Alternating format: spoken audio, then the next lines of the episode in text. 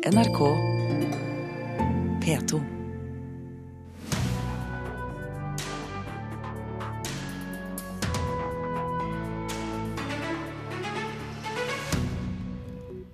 Norges pelsdyralslag reagerer på bruk av skjult kamera i kveldens omstridte dokumentar Pels, og vil klage NRK inn for PFU. Utenlandske nettspillselskaper bruker 400 millioner kroner på å reklamere for eh, å få nordmenn til å spille mer. Mer skal det bli, varsler selskapet Betson. Og vi strømmer og laster ned enorme mengder gammel julemusikk nå i førjulstiden. Kan det bety slutten for de nye juleplatene? Vel, vi stiller spørsmålet, og så får vi se hvilket svar vi kommer opp med i løpet av sendingen, som i dag er med Birger Kolsrud Jåsund i studio. Ja, Som du har uh, sikkert hørt et par ganger i løpet av morgenen på, uh, på, her på NRK P2 og Alltid nyheter, i kveld viser NRK den omstridte dokumentaren Pels, der store deler av materialet er blitt filmet med skjult kamera av aktivisten Frank Nervik. Et klart brudd på Vær varsom-plakaten, mener Norges pelsdyralslag.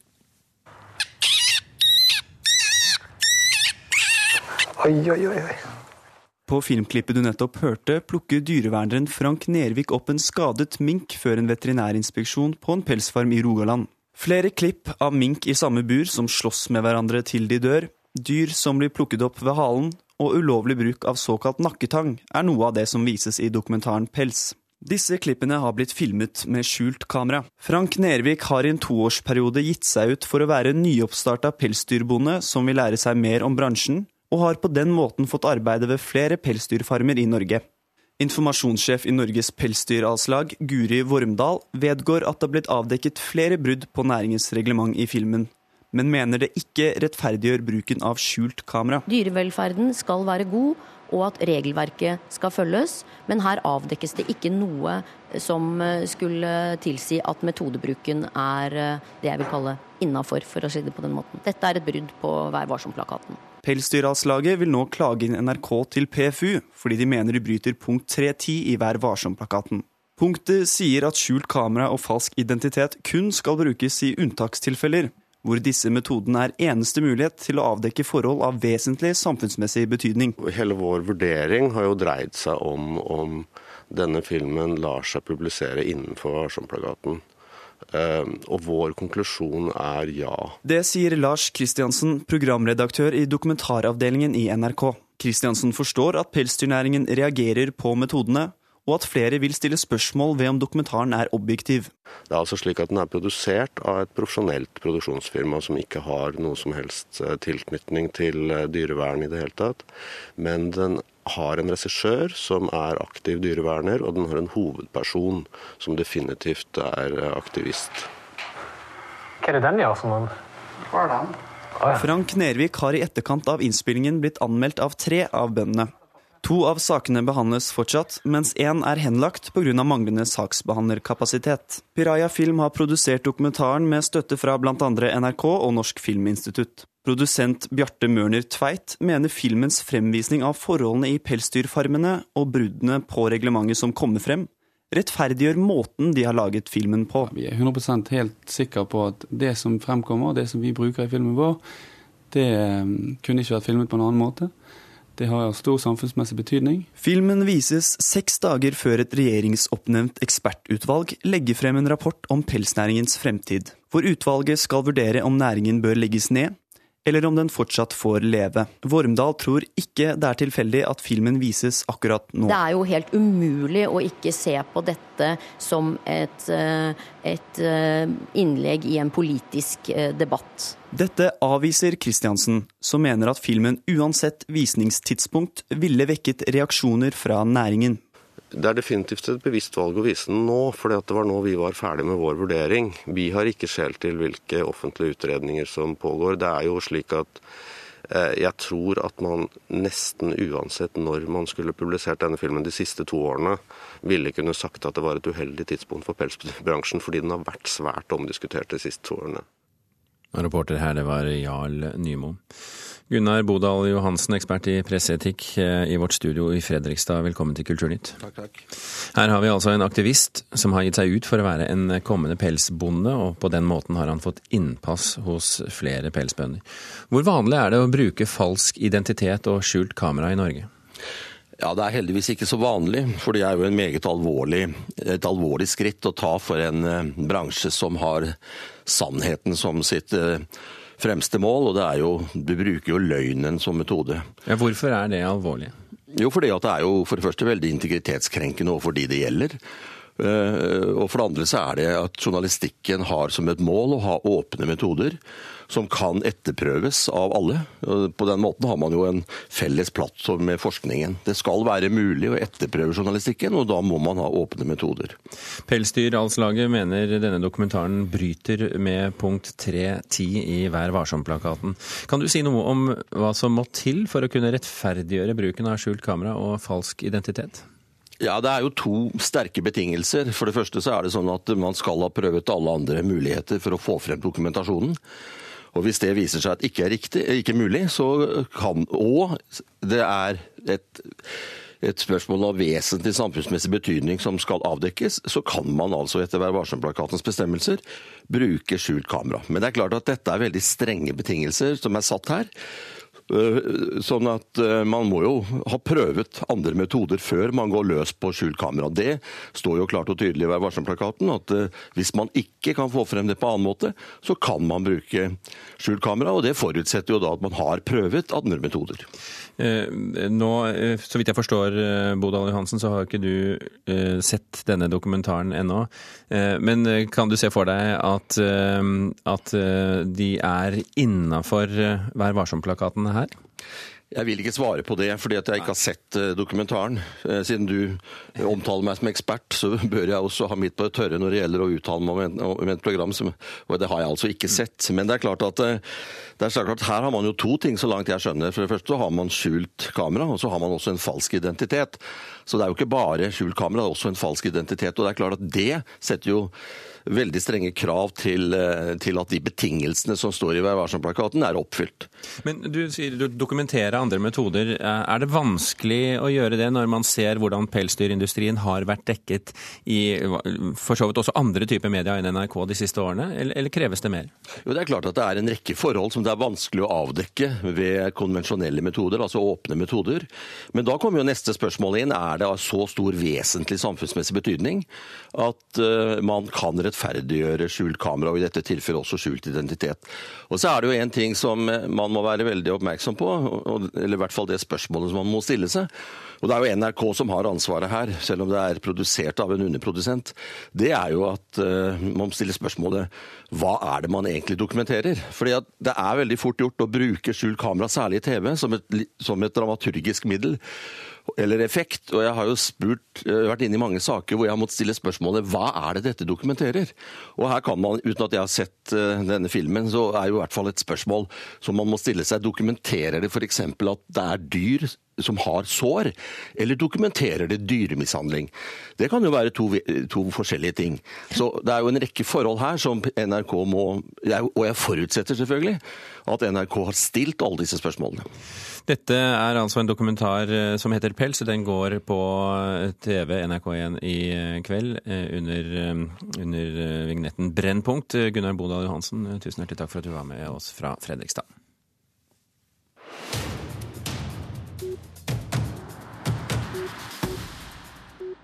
Kulturrådet vil trolig gjøre e-bøker til en permanent del av statens innkjøp til bibliotekene. En gjennomgang viser at e-bøker sikrer et mangfold, mangfoldig og bredt litteraturtilbud til landets biblioteker, på lik linje med papirbøkene, sier leder av Kulturrådets fagutvalg for litteratur, Anne Oterholm, til Klassekampen i dag. Det er i morgen Kulturrådet skal vedta ny innkjøpsordning for litteratur. Sogn og Fjordane Teater venter voldsomme reaksjoner når de neste år setter opp et teaterstykke inspirert av Anders Behring Breivik og 22. juli-terroren. Stykket, som heter Fjordmann, handler om en ung mann som dreper ti mennesker på et asylmottak på Vestlandet. Og Teatersjef Terje Lyngstad sier til Dagbladet at han tror mange vil hevde at det er for tidlig å sette opp et slikt stykke. Sogn og Fjordane Teater har mottatt drapstrusler for tidligere politiske oppsetninger.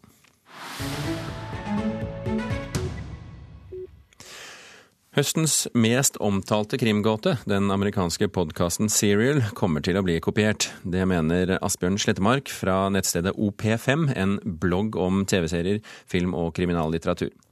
Med et snitt på 1,4 millioner nedlastinger per episode er Serial den mest populære podkasten både i verden og i Norge, ifølge Apple.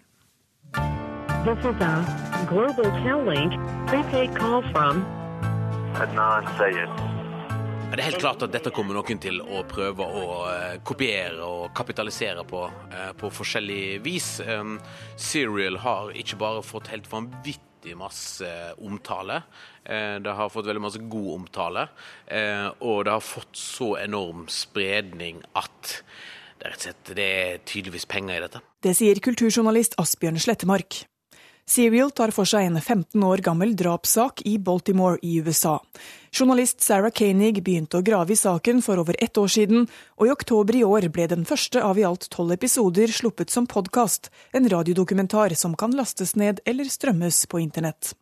Siden har det kommet en ny episode hver uke, og en stadig økende fanskare har ventet spent på fortsettelsen. Den eh, semidramatiseringen som er gjort av historien for podkast, som har et sånn touch av hørespill eh, over seg, gjør det til noe helt unikt. Jeg er ikke sikker på om en kunne gjort tilsvarende i skriftlig eh, form. Det store spørsmålet serien prøver å komme til bunns i, er om en 17 år gammel gutt som i 1999 ble dømt for drapet på sin ekskjæreste, virkelig er skyldig, eller om saken er et justismord. Journalisten lar oss få høre politiavhør, hun snakker med vitner, og hun intervjuer den drapsdømte selv, Adnan Sayed, som sitter i fengsel på livstid. I mean, the only thing I can say is, man, it was just a normal day to me. There was absolutely nothing abnormal about that day. Jeg tror at de store mediehusene kommer til å puste tungt når de ser muligheten til å tjene penger her, mens journalister tenker søren, det er mulig. Serial finansieres av en blanding av honorarer, sponsorer og lytterdonasjoner. Og i en av episodene ber journalisten lytterne om å donere penger, slik at det kan lages en ny sesong. Den nødvendige pengesummen var oppnådd på under én uke. En som har latt seg inspirere av Serial-suksessen, er Jo Moen Bredeveien. Han er redaktør for det nye nettstedet doc.no, som skal forsøke å finansiere journalistikken ved å selge enkeltartikler på nett. Det finnes jo mange store eksempler. Det er veldig typisk i anglosaksiske eller engelsktalende land. da på at nonfiction non-fiction er veldig populært og leses i brede kretser. Nå er jo Serial bevist for en ny tid, da, en digital tid, at det er også mulig å gjøre det nå i dag. Er det naivt å tro at man kan få til noe lignende i Norge?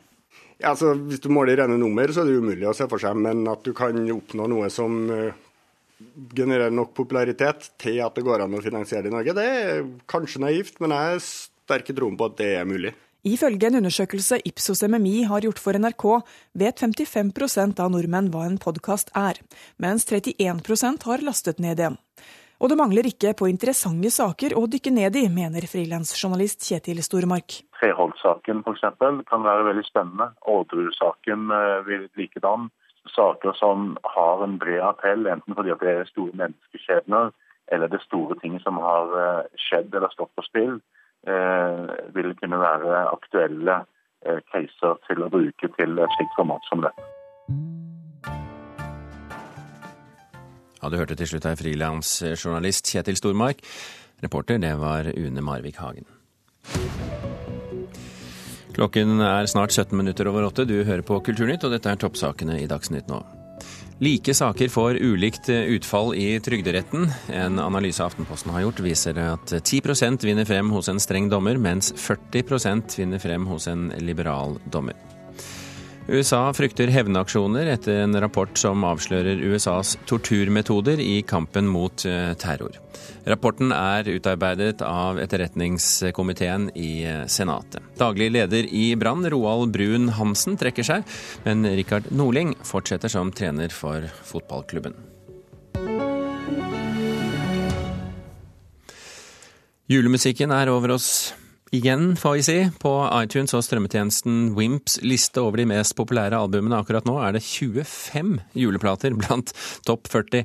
Og på den amerikanske listen over de mest populære julesangene de siste 40 årene troner denne. Silent. Silent Night, Stille natt eller Glade jul topper lista over oftest innspilte julesanger i USA etter 1978, skriver time.com. Sangen er innspilt 733 ganger ifølge US Copyright Office. Julemusikk har tradisjon for å selge godt. Ifølge Guinness rekordbok er det ingen singel i hele verden som har solgt mer enn denne.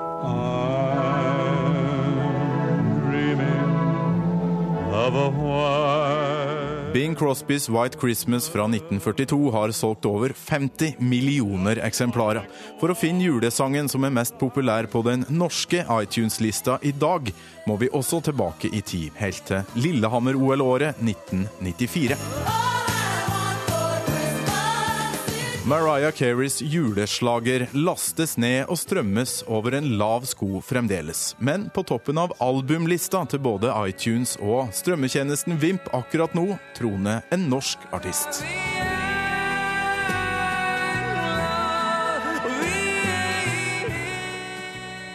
Hvem var det vi hørte her til slutt? Jo, selvfølgelig Kurt Nilsen og Kringkastingsorkesteret. Reporter det var eh, Torkil Thorsvik. Musikkjournalist og anmelder i Aftenposten, Harald Fossberg, velkommen til Kulturnytt. Mange takk. mange takk.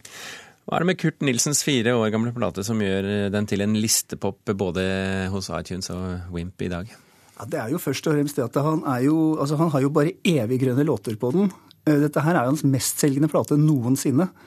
Den har vel ligget 33 uker på topplistene. Og når du vet at det er en sesongplate som er ute for femte gangen på rad, så vet du at det er ganske god avkastning på den. Det er eh, han vel fortjent. Juleplatene har vært en eh, sikker inntekt for artister og plateselskaper, selv om uh, musikken da, altså, som du sier, er sesongbetont. Er dette i endring nå som vi har fått strømmetjenestene? Ja, både og. Altså, vi, får jo vi får jo musikken mye lettere frem. Vi behøver ikke gå og rote i hyllene for å lete den fram. Eh, fordelen der er jo det at eh, altså vi er tradisjonsbevisste, nesten vanedyr. Vi krever jo gjerne de samme låtene om igjen. Altså Vi leser de samme juleheftene på jula, vi spiser gjerne pinnekjøtt på julaften. Vi bytter ikke pinnekjøtt mot Grandis. Det er liksom, Visse ting bare hører hjemme der. Mm. Uh, strømming, altså Du kan jo sette opp spillelister, så du kan ha egne spillelister. Det er en god idé. Eh, men samtidig så er det jo sånn at de kan bli veldig rigide. Altså Du får ikke noe nytt. Eh, og så er det mange artister som fremdeles fortsetter å lage plater. Ja, Hvor mange plater får du inn på pulten din sånn nå i disse dager, av julekarakter? Du, nå er det vel blitt flere nedlastingslenker enn noensinne. Det begynte i fjor, men altså det har vært Tidligere år så har det vært, en ganske, vært noen bra centimeter som har kommet inn. Men, men eh, spørsmålet går mer på um, nye utgivelser enn oh, ja. en formatet, liksom? Altså, du har jo du har Tone Damli, da, som eh, akkurat har kommet ut med sin ja. ja, første jul. Eh, så har, du, så har, du, noen amerikanske artister naturligvis, som, legger, som, kommer med sine obligatoriske juleplater. Man må jo komme liksom Når du gir ut en juleplate, så har du kommet på et visst nivå. Da, liksom, da har du noe å henge opp i julegrana. Eh, så er det én norsk plate, en norsk singellåt som heter 'Santa Is Real' av en, av en, ung kar som virker veldig lovende. Han heter liksom Alexander et eller annet. Eh, det er liksom countrytrist sviske. Det er sånn Jeg ser fram til å høre den mer. Da. Men er det, er det nok nå? Har vi det vi trenger? Du, Det kommer jo stadig nye generasjoner, så, og alle har jo sine helter. Altså, Jeg mener, jeg vokste jo opp med, liksom, med uh, Phil Spector, med Eh, Jussi Bjørling. Men altså samtidig så når man liksom eh, kommer seg oppover i alderen, så, så blir det jo sånn Ital Skurk, svensk reggaeorkester.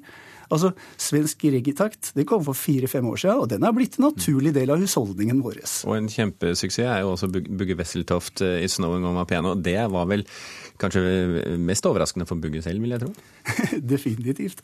Men det er, det er, jo det som er lurt for folk som skal prøve å komme seg inn i julemarkedet, som skal prøve å sprenge seg vei mellom alle Bing Crosbys og Frank Sinatras, det er jo at de har sin egen stil. Mm.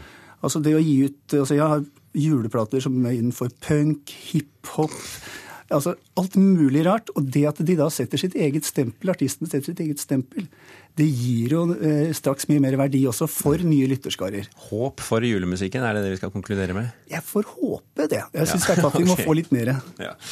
Harald Folsberg, musikkjournalist i Aftenposten, takk for at du kom til Kulturnytt. Mange takk. Utenlandske nettspillselskaper bruker store ressurser på å få pengesterke nordmenn til å gamble mer på nett. Nordmenn taper én milliard kroner i året til utenlandske aktører som tilbyr bl.a. poker, bingo og kasinospill.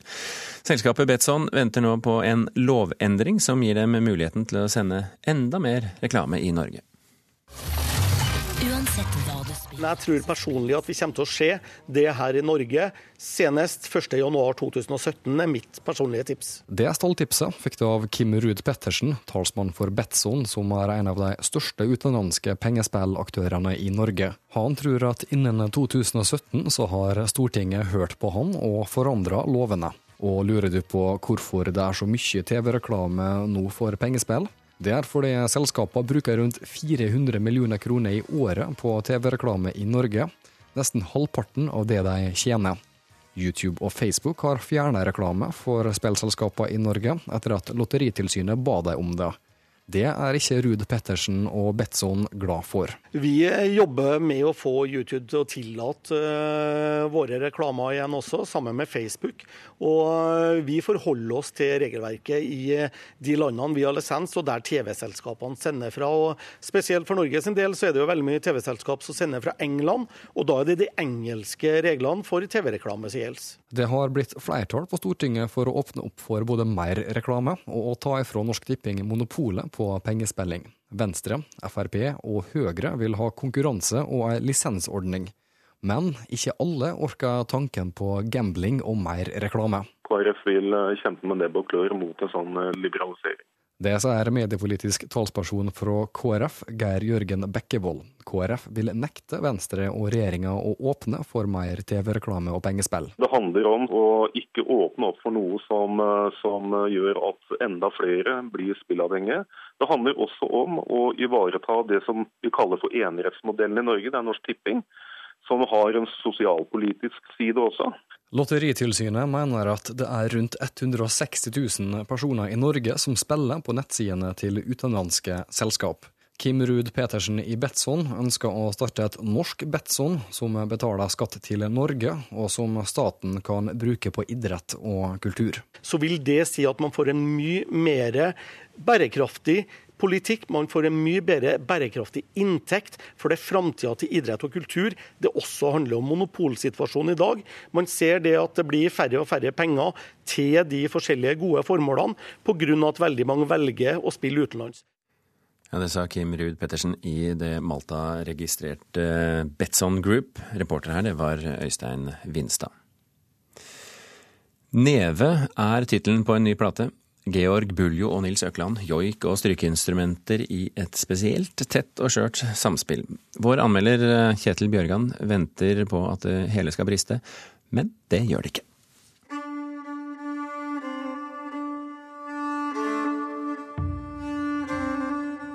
Det hele er strippet ned til beinet. Én stemme, noen få musikalske effekter, en hardingfele eller viola d'amore, toner med inspirasjon fra det tradisjonelle, joik og norsk folkemusikk. Stemmen og alle komposisjonene tilhører Georg Buljo, en anerkjent musiker. Ofte bakmann for andre artister, f.eks. som gitarist sammen med Mari Boine og Nico Valkeapää, men også en kunstner som står fint på egne bein. Forrige gang jeg hørte ham solo, var for tre år sia. Da ute med en plate som virkelig låter helt annerledes enn dette. Selv om jeg gjenkjenner noen av de vokale trekkene fra den gang. Men da var det ganske atmosfærisk og litt utsvevende. Her kommer vi tettere innpå, ikke bare Buljo, men også sammen med medmusiker Nils Økland.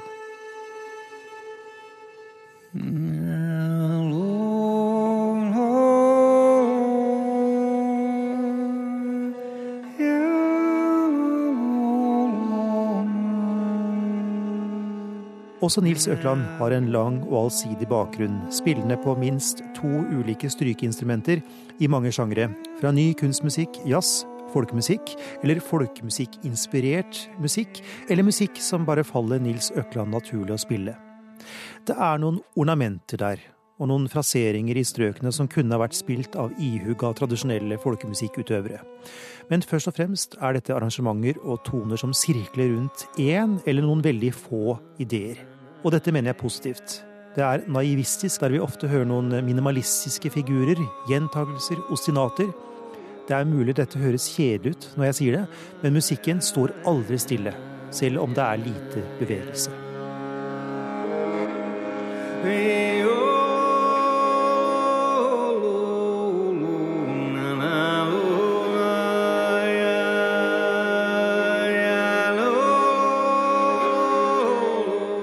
For det er interessant, og det er bra musikk. Helt enkelt, helt nede. Som et snøfnugg som sakte faller mot bakken.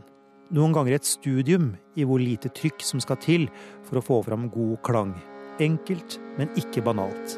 Bak ligger ingen rastløs musiker, men to lyttende utøvere som intonerer seg inn mot et felles skyv. Musikken bølger, og den skaper rom som aldri fylles med uvesentlig innhold. De maler med lett pensel, og tonene får mulighet til å puste. Musikken er egentlig ganske visuell. Det dukker i hvert fall opp bilder i mitt hode som skiftes ut med overraskende vendinger, der de snur på klangene og får langt på vei de samme musikalske figurene til å skinne på nye måter.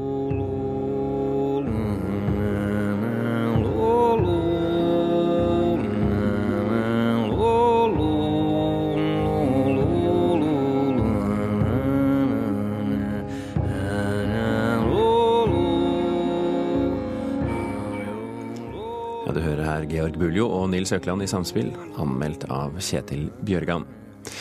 Kulturnytt er snart eh, slutt. I dag har vi fortalt at Norges Pelsdyralslag reagerer på bruk av skjult kamera i kveldens omstridte dokumentar Pels, og vil klage NRK inn til PFU. Du kunne også høre at utenlandske nettspillselskaper bruker 400 eh, millioner kroner på reklame for å få nordmenn til å spille mer, og at det kommer enda mer, ifølge spillselskapet Betson. Og så spurte vi om det er slik at fordi vi strømmer og laster ned enorme mengder gammel julemusikk nå i førjulstiden, at det betyr slutten for de nye platene. Nei, var vel det svaret vi kom frem til. Kulturnytt fikk du i dag levert av Marianne Myrhol, Espen Alnes og Birger Kolsrud Aasund. Nyhetsmorgen fortsetter her på denne kanalen. Hør flere podkaster på nrk.no podkast.